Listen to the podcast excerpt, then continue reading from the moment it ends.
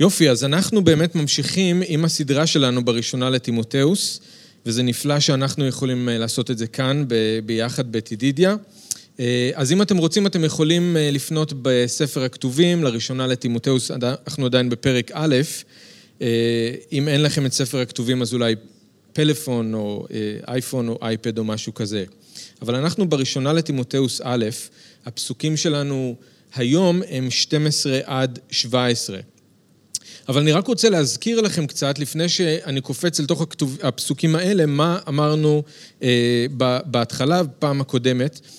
אתם זוכרים שהסיבה ששאול כותב את האיגרת הזאת לטימותאוס, זוכרים שזאת לא קהילה חדשה, נכון? זאת לא קהילה חדשה שטימותאוס צריך איכשהו לבנות מאפס, וששאול עוזר לו להניח את היסודות. אמרנו שהקהילה באפסוס היא קהילה דווקא ותיקה, ששאול ייסד אותה מזמן, אבל זאת קהילה שאיבדה את הדרך. זאת לא קהילה צעירה, אבל זאת קהילה שמשהו בה השתבש. וטימותאוס עכשיו נמצא שם כדי להחזיר את הסדר לקהילה ולחיים של המאמינים. זוכרים? אמרנו, בגלל זה יש את האיגרת הזאת. הוא מנסה להכניס סדר חזרה לקהילה ולמאמינים, לחיים של המאמינים. אז בפעם הקודמת פיליפ עזר לנו אה, לראות שהמשימה הראשונה של תימותאוס הייתה לעצור אה, את אותם אנשים. זוכרים שהם התיימרו להיות מורי תורה. הם טענו דברים בתוקף, הם הפיצו את הלימוד שלהם בתוך הקהילה, אבל תימותאוס היה חייב לעצור אותם. למה? כי הם גררו את כולם בקהילה לתוך ויכוחים וכל מיני מריבות על דברים לא חשובים. זוכרים? כל מיני אגדות וסיפורים על תולדות הדורות, וכנראה גם לימוד לא נכון לגבי התורה. שאול אומר עליהם, אם פרק א' הוא לפניכם שם, אתם יכולים לראות שאול אומר עליהם, הם סטו מתוכנית אלוהים שיסודה באמונה. זאת אומרת שהם סטו מהעיקר. הם שמו במרכז את התורה ואת האגדות ואת הסיפורים, והם הזיזו הצידה, את ה, הזיזו הצידה את הבשורה ואת ישוע בעצמו. וברגע שהבשורה היא לא נמצאת במרכז, וישוע הוא לא במרכז, אז הכל מתחיל להתפורר. אפשר להגיד שמי שמזיז את השמש מהמרכז, אז שלא יתפלא ששאר הכוכבים מתחילים לצאת מהמסלול, וזה מה שקורה כאן. אז הדבר הראשון ששאול רוצה שטימותאוס יעשה זה שהוא יחזיר למרכז של הלימוד בקהילה את הבשורה ואת ישוע בעצמו. אז בפסוק 11, שם אנחנו סיימנו פעם שעברה, הוא דיבר על בשורת הכבוד של אלוהים שהופקדה בידיים שלו, כי זה מה שהוא רוצה להחזיר למרכז בקהילה הזאת באפסוס, עכשיו הוא ממשיך בקו הזה. אבל אני רוצה שתראו, כשנקרא את הפסוקים עכשיו, תראו איך הוא עושה את זה. הוא לא מסביר מה זאת הבשורה, הוא מראה מה זאת הבשורה. הוא משתמש בחיים שלו כדוגמה למה שהבשורה יכולה לעשות בחיים של אדם חוטא. או יותר נכון מה שישוע יכול לעשות. הוא בעצם מראה לנו מה קורה כשהחסד של אלוהים פוגש אדם חוטא, והוא מביא את עצמו כדוגמה, שאול. אז תעקבו איתי ביחד, אני קורא מפסוק 12. אני מכיר טובה לנותן בי כוח, למשיח ישוע אדוננו, כי חשבני נאמן, ומינה אותי לשירותו. אף שקודם לכן הייתי מגדף, רודף ומבזה, אבל רוחמתי מפני שבהיותי חסר אמונה פעלתי בלי דעת. וחסד אדוננו שפע יחד, שפע עליי יחד עם אמונה ואהבה אשר במשיח ישוע. מהימן הדבר וראוי להסכמה מלאה שהמשיח ישוע בא אל העולם להושיע חוטאים אשר אני הגדול בהם. ואולם משום כך רוחמתי, כדי שבי בראשונה יראה ישוע המשיח את כל אורך רוחו, כמופת לעתידים להאמין בו לשם חיי עולם. למלך העולמים, הקיים לאין קץ והבלתי נראה, אשר הוא לבדו האלוהים, לא הכבוד והתפארת לעולמי עולמים. אמן. אז בואו נתפלל ביחד. אבא, אנחנו רוצים להודות לך על הדבר שלך. אנחנו מודים לך שכל פעם הדבר שלך פוגש אותנו בדרך שבה אנחנו יכולים להשתנות קצת יותר לדמות ישוע. להיווכח קצת יותר טוב באמת מה הדברים שצריכים להשתנות בחיים שלנו, או איפשהו אנחנו צריכים להתעודד ולהתחזק או להתמלא. אבל הדבר שלך תמיד יודע לעשות את מה שאתה שלחת אותו לעשות. ואנחנו מתפללים שהדבר שלך גם הערב לא ישוב אליך ריקם. אנחנו מתפללים שאתה תיתן לנו עיניים רואות ותיתן לנו אוזניים שומעות. ואנחנו מתפללים שהזרע הטוב של הדבר שלך ייפול על אדמה טובה בלב שלנו, ויפיק את הפרי שראוי לשמך, להביא לך כבוד. אנחנו מתפללים שהרוח שלך תפעל בינינו, גם אלה שצופים בשידור, גם אלה שנמצאים כאן באולם, שהרוח שלך תפעל בקרבנו. אנחנו לא רוצים לקבל, לריק את החסד שלך. אנחנו לא רוצים לשווא לשמוע את הדבר שלך. אנחנו לא רוצים להיות שומעים ושוכחים, אלא שומעים ועושים. אז אנחנו מתפללים שתעזור לנו, לא רק לשמוע, אלא גם לעשות, גם לציית, גם להגיב לך נכון. אז אנחנו מתפללים שהחסד שלך יהיה עלינו בשם ישוע המשיח. אמן.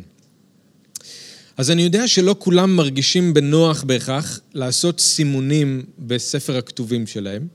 יכול להיות שאתם מאלה שלא נוח להם עם זה, וזה בסדר גמור. אבל אם יש בכל זאת פסוק אחד שכן כדאי לסמן אותו בצבע, זה הפסוק הזה, פסוק 15. מהימן הדבר וראוי להסכמה מלאה שהמשיח ישוע בא אל העולם להושיע חוטאים. ואם אתם מזדהים גם עם מה ששאול אמר בהמשך, אתם יכולים לסמן גם את זה, אשר אני הגדול בהם. אז אני יודע שבמקרה הזה אני מתחיל כאן מהאמצע של הקטע שלנו, אבל תחשבו על זה אולי כמו על אבן שזורקים אותה באמצע של שלולית, ואז יש את כל המעגלים שיוצאים החוצה מהמרכז. אז אנחנו הפעם מתחילים מהאמצע ויוצאים החוצה, כי זה באמת הלב של הקטע הזה. הכל נובע משם. הכל קשור לזה. למה זה כל כך חשוב לשאול? למה הוא מדגיש את זה ככה? בגלל שהבשורה ולא התורה היא זאת ששינתה את החיים שלו. מי שהושיע אותו זה ישוע ולא משה. מה ששינה ועדיין משנה את החיים שלו זה לא אגדות וסיפורים על תולדות הדורות, אלא זה הדבר הזה שהוא מהימן, זאת אומרת שהוא אמיתי, והוא ראוי להסכמה מלאה. המשיח ישוע בא אל העולם להושיע חוטאים. הרי אם התורה יכולה להושיע ולתת למישהו לב חדש ורוח חדשה, אז למה צריך את הבשורה? אם משה יכול להושיע חוטאים, אז למה צריך את ישוע? אבל התורה לא יכולה לתת לאף אחד חיי עולם. אלא רק להביא אנשים על האחד שכן יכול. בגלל זה ישעיה דיבר על ברית חדשה. ומשה ידע שזה לא בידיים שלו להושיע חוטאים, אלא רק להצביע אל האחד שיכול.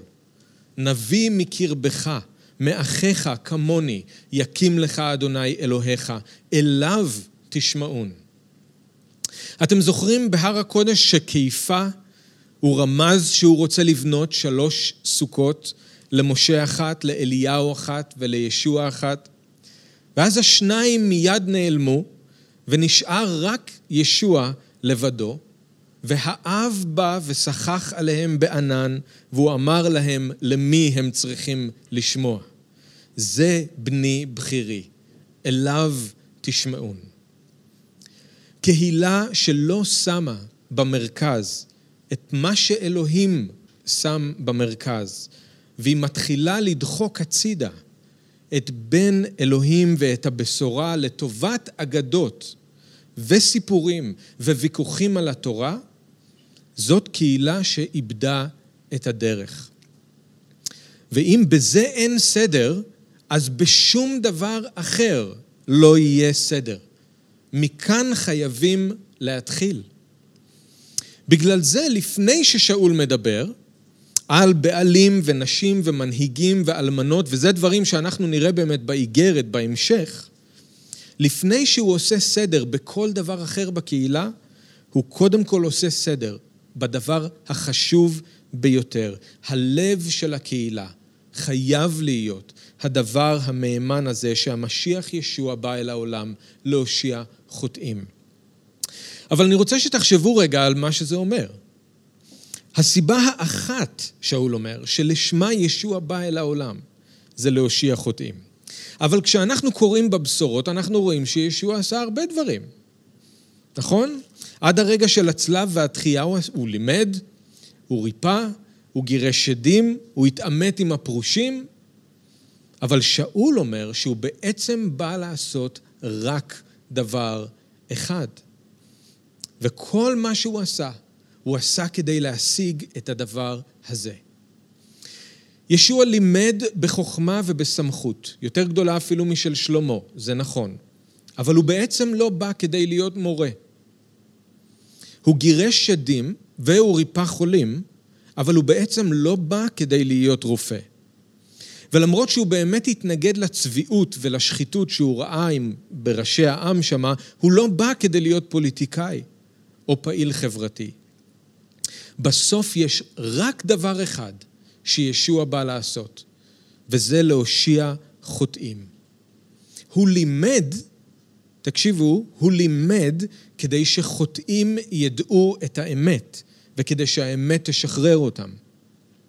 הוא גירש שדים והוא ריפא חולים כדי שחוטאים יראו שאלוהים הוא טוב ושהוא חזק, ושרק הוא יכול לתת להם חיים בשפע. כל הוויכוחים שהיו לו עם ראשי העם, הוא עשה את זה כדי שחוטאים יוכלו לצאת מהמלכודת של הצביעות ושל הדת ולמצוא חיים באמת באלוהים. וכמובן שהוא מת על הצלב כדי שחוטאים לא יצטרכו למות, אלא כדי שיהיו להם חיים.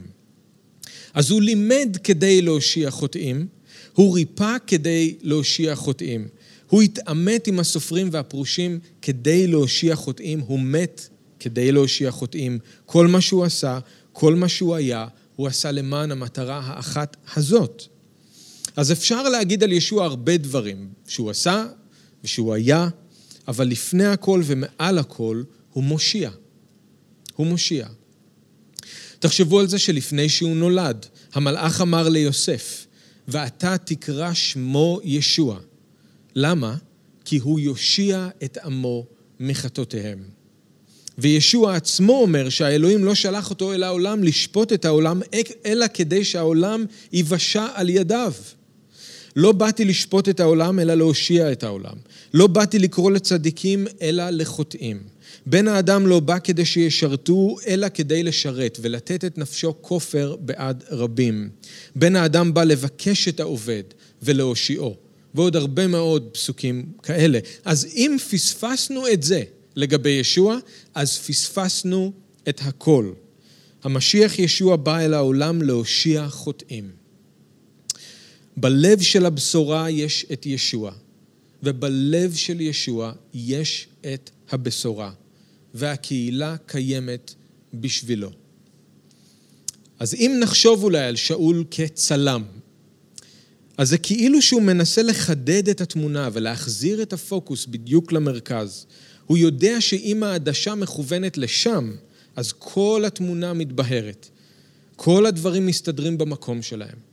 אבל אם המיקוד הוא על כל דבר אחר, אז התמונה נהיית מטושטשת, ושום דבר לא ברור. אז לפני שנראה איך שאול עושה את זה, איך הוא מחזיר את הפוקוס לבשורה ולישוע עצמו, אני רוצה לשאול אתכם, כמו שאני שואל גם את עצמי, האם יש משהו בחיים שלכם שתפס את המקום של ישוע ושל הבשורה? בשביל האנשים באפסוס, זה היה משהו כביכול רוחני או אינטלקטואלי, נכון? ההתעסקות הבלתי נגמרת הזאת באגדות ובסיפורים ובתורה. אבל אולי בשבילנו זה משהו אחר לגמרי. אולי זה כסף, עבודה, לימודים, חברים, פוליטיקה, כל דבר.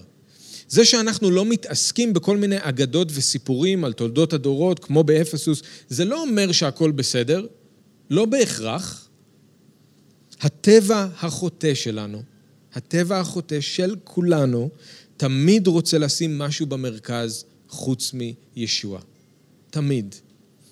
העולם תמיד דוחף אותנו לשים משהו במרכז, חוץ מישוע. השטן מפתה אותנו לשים משהו אחר במרכז, חוץ מישוע. וזה לא באמת משנה מה זה יהיה. העיקר שמשהו אחר, חוץ מישוע, ישאב את כל הכוחות שלנו, יעסיק את המחשבות שלנו וימלא את היומן שלנו. העיקר שישוע לא יהיה הדבר הכי חשוב, הכי יקר. העיקר שישוע לא יהיה המרכז. גם הטבע החוטא, גם העולם, גם השטן. אז אנחנו צריכים לשאול את עצמנו האם התמונה של החיים שלנו מטושטשת או שהיא ברורה, האם היא בפוקוס.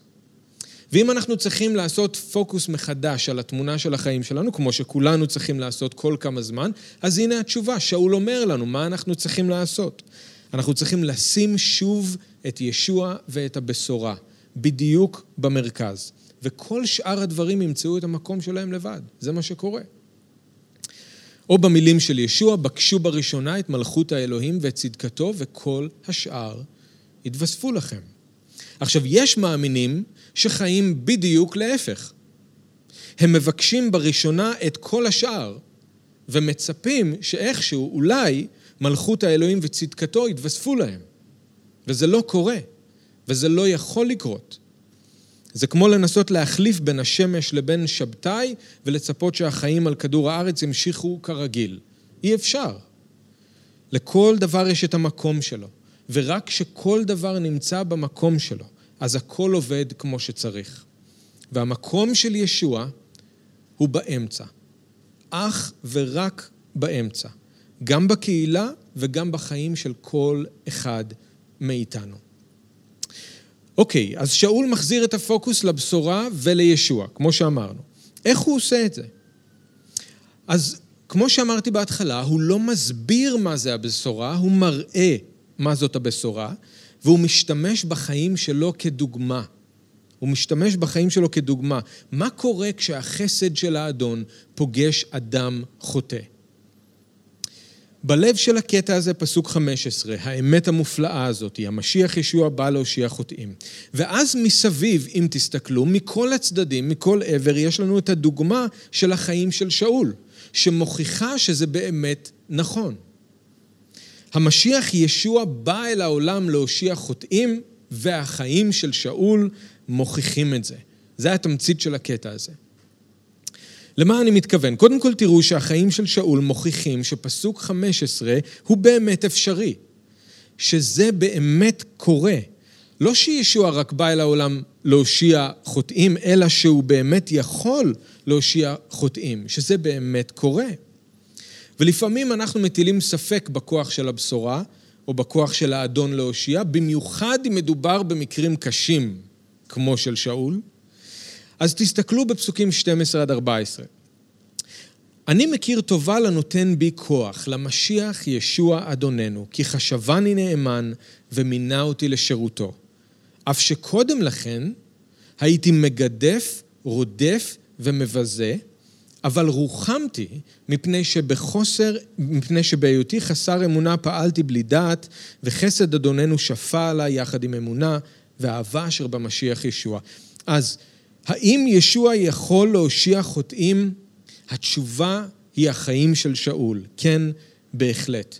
שאול היה אבוד בחטא, והוא התנגד בכל הכוח לאמונה בישוע. ותראו מה הוא עצמו אומר כאן על העבר שלו. איזה בן אדם הוא היה לפני שהאדון הושיע אותו? מגדף, רודף, מבזה, חסר אמונה ובלי דעת. ובפסוק 15, כמו שראינו, הוא אומר על עצמו שהוא הגדול שבחוטאים. אז אני רוצה אה, אה, להזכיר לכם מי זה היה שאול, ואני אקרא תכף כמה פסוקים ש, שהוא אומר על עצמו ומה שאנחנו קוראים בדבר אלוהים. אבל שאול זה לא נקדימון, אוקיי? שאול זה לא מישהו שבא אל ישוע בלילה עם כל מיני שאלות, והוא היה מוכן לשבת ולשמוע ולדבר. ממש לא. הוא לא חשב שישוע היה מורה שבא מאת אלוהים. הוא חשב שישוע זה משיח שקר, הוא מישהו שמטעה את העם. שאול זה גם לא היה אותו סופר תורה, אם אתם זוכרים, שמאוד התרשם מישוע, וישוע אמר לו, אתה לא רחוק ממלכות אלוהים. לא, שאול היה מאוד רחוק ממלכות אלוהים, והוא היה מלא שנאה לישוע ולבשורה ולתלמידים. אז כמה, בכמה פסוקים, רק להזכיר לכם מי שאול היה. במעשה השליחים ח' כתוב לנו שהוא הסכים, אם אתם זוכרים, להריגתו של סטפנוס. הוא היה שם, הוא היה שם באותו יום כשסטפנוס נאם וכשכולם ראו את הפנים שלו כפנים של מלאך. הוא ראה איך סטפנוס קרא לברכיים שלו והתפלל שאלוהים יסלח להם בזמן שהוא נסקל למוות באבנים. שאול היה שם. ואז כתוב שמיד אחרי זה התחילה רדיפה גדולה נגד המאמינים, ושאול עשה שמות בקהילה. הוא עבר מבית לבית וגרר גברים ונשים והסגירם לכלא. בהמשך, בפרק ט', כתוב ששאול היה מפיח איומים ורצח נגד תלמידי האדון. אז הוא לא רק צעק או התווכח או הציק למאמינים, הוא עשה שמות, הוא גרר גברים ונשים לכלא, איים, והוא אפילו הוציא אותם להורג. עכשיו תקשיבו מה שאול אומר על עצמו, כשהוא מעיד את העדות שלו, על מי הוא היה, ואני קורא כמה פסוקים ממעשה השליחים כ"ב וכ"ו. רדפתי את הדרך הזאת עד מוות. קבלתי אנשים ונשים והסגרתי אותם לבתי כלא. דבר שגם הכהן הגדול יעיד עליי וכל הסנהדרין, מהם גם קיבלתי איגרות אל אחינו והלכתי לדמשק לעצור את הנמצאים שם ולהביאם בכבל, בכבלים לירושלים כדי שיענשו. מאותו פרק, פסוק אחר, ואני אמרתי, אדוני, הרי הם יודעים שאני השלכתי את המאמינים בך לכלא והלקיטים בבתי הכנסת. הוא הלקה אותם בבתי כנסת, אוקיי? Okay? וכאשר נשפך דם סטפנוס עדך, אף אני עמדתי שם בהסכמה למעשה ושמרתי את הבגדים של הורגיו. מפרק כ"ו של מעשה השליחים. אכן אני עצמי חשבתי כי מחובתי לעשות דברים רבים נגד שם ישוע מנצרת, מה שגם עשיתי בירושלים. קדושים רבים כלאתי בבתי כלא, על פי הסמכות שקיבלתי מראשי הכהנים, וכאשר הוצאו להורג, היה הרבה יותר מסטפנוס, וכאשר הוצאו להורג, הצבעתי עם המחייבים. פעמים, פעמים רבות בכל בתי הכנסת הענשתי אותם ודחקתי בהם לגדף את שמו, ובשצף זעמי עליהם רדפתי אותם אפילו עד ערים מחוץ לארץ. זה שאול, זה מה שהוא עשה. ואז אנחנו יודעים, כשהוא היה בדרך לדמשק, להמשיך לרדוף את הקהילה, ישוע התגלה אליו. שאול, שאול, למה תרדפני? מי אתה, אדוני? אנוכי ישוע, אשר אתה רודף. ומאותו יום בדרך לדמשק החיים של שאול השתנו. ממישהו שהיה מגדף, רודף ומבזה, הוא הפך להיות תלמיד, והוא הפך להיות שליח, והוא הפך להיות מבשר. אני לא יודע אם אתם יודעים, אבל רוב האיגרות שאנחנו קוראים בברית החדשה נכתבו על ידי האיש הזה, שהיה רודף ומגדף ומבזה, חסר אמונה ובלי דעת. את ההתגלויות הנעלות ביותר למישהו, שאול, אה, ישוע נתן לשאול, אותו אחד שהיה האויב מספר אחד שלו. וכמו ששאול אומר כאן בפסוק 12, ישוע מינה אותו לשירותו. וקודם בפסוק 11, הבשורה הופקדה בידיו. אז האם זה אפשרי? האם ישוע יכול להושיע חוטאים, בהחלט. החיים של שאול מוכיחים את זה. מה ששינה את החיים שלו זה לא התורה, לא אגדות וסיפורים על תולדות הדורות, אלא ישוע המשיח והבשורה. וזה היחיד שעדיין משנה חיים. עדיין משנה חיים גם היום של הרבה אנשים, נכון? ממשיך להושיח חוטאים. אני מקווה שגם אתם, אני יכול להגיד שהחיים שלנו הם עדות לכוח של האדון להושיע. אז תראו, תתעודדו מזה, כי אולי אתם מתפללים הרבה מאוד זמן לקרובי משפחה שקשה לכם איתם. נראה לכם שאין סיכוי שהם יכולים לבוא לאמונה. אולי אתם מעידים שוב ושוב ושוב לאנשים שנראה שהדלת שם סגורה. אולי יש אנשים במקומות העבודה שלכם שנראה שהם בחיים לא יאמינו. קחו את החיים של שאול כהוכחה לזה שישוע יכול להושיע חוטאים, אפילו את הגדולים ביותר שבהם. עוד משהו שאני חושב שהחיים של שאול מוכיחים, זה שישוע מושיע חוטאים תמיד בחסד, ולא בזכות מעשים. אז המשיח ישוע בא אל העולם להושיע חוטאים, זה אפשרי, ראינו. אבל איך זה קורה? איך הוא מושיע חוטאים? גם אז וגם היום. אני רוצה שתראו שבקטע הזה שאול נזהר לא לקחת את הקרדיט לעצמו אפילו פעם אחת. לא לגבי הישועה שלו ולא לגבי ההישגים שלו. ישוע הוא הכל. הוא האלף והתף של החיים שלו, של שאול. תשימו לב, הוא נותן בי כוח. הוא חשבני נאמן. הוא מינה אותי לשירותו. החסד שלו שפע עליי עם אמונה ואהבה אשר בו. הוא בא אל העולם להושיע חוטאים. הוא ריחם עליי כדי שבי בראשונה יראה את כל אורך רוחו, כמופת לעתידים להאמין בו לשם חיי עולם. מההתחלה ועד הסוף זה הכל ישוע. אני רוצה שתראו במיוחד מה אומר בפסוק 14, וחסד אדוננו שפע עליי, יחד עם אמונה ואהבה אשר במשיח ישוע. אז איך זה קורה שישוע מושיע חוטאים? איך זה קורה שחיים משתנים ככה, כמו עם שאול, מהקצה אל הקצה? אז התשובה היא לא תורה ואגדות וסיפורים על תולדות הדורות, וגם לא מעשים, אלא החסד של האדון. תראו שאת השלישייה הישנה של מגדף, רודף ומבזה, מחשיבה, מחליפה עכשיו השלישייה החדשה של חסד, אמונה ואהבה. שאול לא מספר על כמה מעשים טובים הוא עשה, שכל כך הרשימו את אלוהים, שהוא החליט להושיע אותו. הוא לא מספר על כמה הוא היה מלומד בתורה עד שהוא הגיע לאיזה דרגה רוחנית גבוהה של ישועה, כי הוא היה ראוי. בדיוק להפך. הוא אומר שלאלוהים היו את כל הסיבות לא להושיע אותו. לא להושיע אותו. הוא היה מגדף, רודף, מבזה, חסר אמונה ובלי דעת. הוא נותן את כל הסיבות למה אלוהים לא, הוא לא ראוי שאלוהים יושיע אותו. אבל יום אחד, כשהגיע הזמן הנכון לפי החוכמה של אלוהים, אז האדון הציף אותו בחסד. והחסד הזה הביא איתו אמונה ואהבה. פתאום הלב של שאול ידע שישוע הוא בן אלוהים, ושהדבר שלו הוא אמת, ושמי שהולך בדרך שלו לעולם לא ילך בחושך, אלא אור החיים יהיה לו. ואז הוא קם והוא התחיל ללכת אחריו, והוא אף פעם לא הסתכל יותר אחורה. ואני רוצה שתסתכלו עוד משהו חשוב, חוץ מזה ששאול לא מדבר על מעשים או על התורה כסיבה לישועה שלו, הוא גם לא אומר שהוא נושע בגלל מה שהוא ראה ושמע בדרך לדמשק. זה באמת היה הרגע שבו ישוע התגלה אליו, זה נכון. מאותו רגע הכל משתנה, אבל מה ששינה את החיים של שאול בצורה כל כך קיצונית זה בסופו של דבר גם מה שמשנה את החיים שלנו.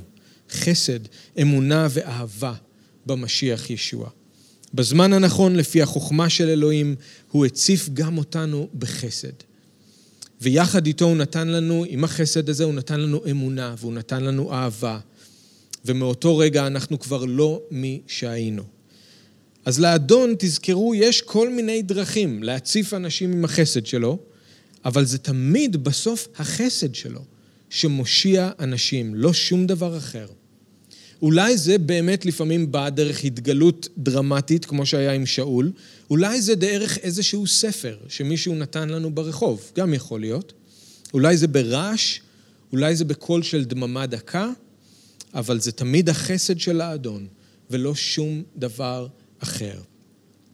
הדבר האחרון שאני חושב שהחיים של שאול מוכיחים, זה שישוע מושיע חוטאים כדי להושיע עוד חוטאים. בסוף פסוק 15 שאול אומר על עצמו, אשר אני הגדול שבהם. ואז תראו מה הוא אומר בפסוק 16. ואולם, משום כך, בדיוק בגלל הסיבה הזאת, אני רוחמתי. כדי שבי בראשונה יראה ישוע המשיח את כל אורך רוחו, כמופת לעתידים להאמין בו לשם חיי עולם. אתם מכירים את זה, איך שלפעמים בית המשפט מחמיר עם העונש בכוונה, למען יראו וייראו, כן? בית המשפט, בית המשפט לפעמים משתמש במישהו כדוגמה. כי הוא רוצה להראות למה הוא מסוגל, הוא רוצה להרתיע אנשים אחרים שלא יעיזו לעשות מעשה כזה. אז כאן אנחנו רואים בדיוק את אותו הרעיון, אבל להפך. ישוע משתמש בשאול כדי להראות עד כמה הוא מוכן להיות סבלני, ועד כמה הוא מוכן לסלוח, למען יראו ויאמינו, למען יראו ויבואו. עכשיו זה מדהים, כי שאול אומר, בגלל זה אלוהים ריחם עליי. בגלל זה הוא הושיע אותי, כמו שהוא הושיע אותי, כדי להשתמש בי כדוגמה, כדי להראות לכולם כמה הוא טוב, וכדי שעוד חוטאים יבואו אליו וימצאו בו סליחה וחיים. זאת אומרת, הוא מושיע חוטאים כדי להושיע עוד חוטאים. ותחשבו על זה לרגע, בגלל שזה מדהים מה ששאול אומר כאן. אלוהים היה יכול להושיע את שאול הרבה לפני אותו יום בדרך לדמשק. הוא היה יכול. הוא היה יכול להתגלות אליו לפני הרדיפה הגדולה ולמנוע משאול את כל המעשים הרעים שהוא עשה. הוא היה יכול להתגלות אליו לפני. אבל שאול אומר שהייתה סיבה שאלוהים חיכה. הייתה סיבה שהוא נתן למצב להידרדר כל כך לפני שהוא הושיע אותו. כמו שישוע, אם אתם זוכרים, חיכה שאלעזר ימות. זוכרים? ישוע חיכה כדי שאלעזר ימות, כדי שהשם של אלוהים יפואר יותר כשהוא יקים אותו לתחייה.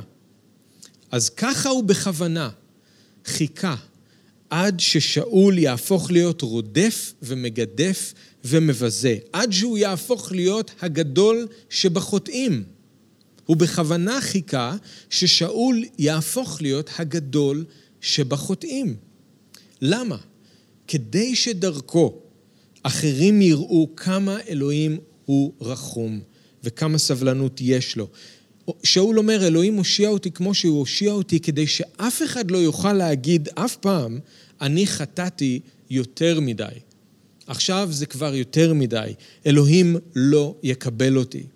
אז שאול אומר, לא, תסתכלו עליי, תסתכלו על הדוגמה שלי, אני, הגדול שבחוטאים, רודף ומגדף ומבזה. אני נושעתי בחסד, כי אלוהים הוא טוב. ואם הוא הושיע אותי, הוא יכול להושיע גם אותך. הוא יכול להושיע כל אחד. זה מה ששאול אומר. אז אם אתם במקרה לא בטוחים אם אלוהים יקבל גם אתכם ויסלח לכם, כי אולי אתם חושבים שעשיתם יותר מדי דברים שאתם מתביישים בהם, אז תסתכלו על הדוגמה של שאול, ותראו כמה סבלנות יש לאלוהים, ואל תחכו יותר, אלא תשימו את הביטחון שלכם בו, בישוע. עכשיו, לנו שכבר מאמינים, מה שנכון לגבי שאול נכון גם לגבינו, אפילו אם הסיפור שלנו הוא שונה משלו. אלוהים רצה, רוצה להשתמש בעדות האישית שלנו כדי לעודד אחרים להאמין. גם אנחנו, כמו שאול, מופת לעתידים להאמין בו, לשם חיי עולם. ואתם יודעים, לפעמים מה שאנשים הכי צריכים לשמוע זה את הסיפור האישי שלנו, את העדות שלנו. שאול נותן לנו כאן דוגמה מצוינת לאיך הסיפור האישי שלנו, מי שהיינו ומי שאנחנו עכשיו בחסד האדון, איך זה יכול לעודד אחרים להאמין. לפעמים מה שאנשים צריכים זה לא עוד מידע על ישוע, הם צריכים לשמוע איך ישוע שינה את החיים שלכם. לפעמים מה שצריך זה לא להסביר מה זאת הבשורה, אלא להראות מה זאת הבשורה, כמו ששאול עושה כאן. אז ישוע בא אל העולם להושיע חוטאים, והחיים של שאול מוכיחים את זה. אנחנו צריכים לזכור את זה. זה, זה חייב להיות תמיד המרכז ש, של הקהילה, זה חייב להיות המרכז של החיים שלנו. ושאול ממקד, כמו שאמרנו, את העדשה בדיוק באמצע, כדי שכל התמונה תתבהר. חשוב לשים את הדבר הזה במקום לפני שניגשים לכל דבר אחר בקהילה או לכל דבר אחר בחיים של המאמינים. קודם כל, ישוע חייב להיות שוב במרכז, הבשורה חייבת להיות שוב במרכז. ושאול, כמו שאול, הוא מסיים את הקטע הזה עם פרץ של תודה ושבח לאלוהים בפסוק 17. הוא נזכר בכל מה שאלוהים עשה ואיך ישוע לקח מישהו כמוהו, מגדף, רודף, מבזה. והפך אותו בחסד להיות משרת נאמן ומופקד על הבשורה. אז אני רוצה לקרוא את הפסוק האחרון ואז להתפלל, וזאת הזדמנות טובה אה, בשביל כל אחד מאיתנו, כן? להודות לאלוהים על החסד שלו, על מה שהוא עשה בחיים שלנו, אה, וגם להכין את הלב שלנו להשתתף תכף בסעודת האדון. אז אני רוצה לקרוא את הפסוק הזה ואז להתפלל, ובואו ניקח רגע להודות לאדון, כמו ששאול עושה, להודות לאדון על החסד שלו בחיים שלנו, איך שאנחנו הפכנו מחוטאים לנושעים, בריאה חדשה בישוע.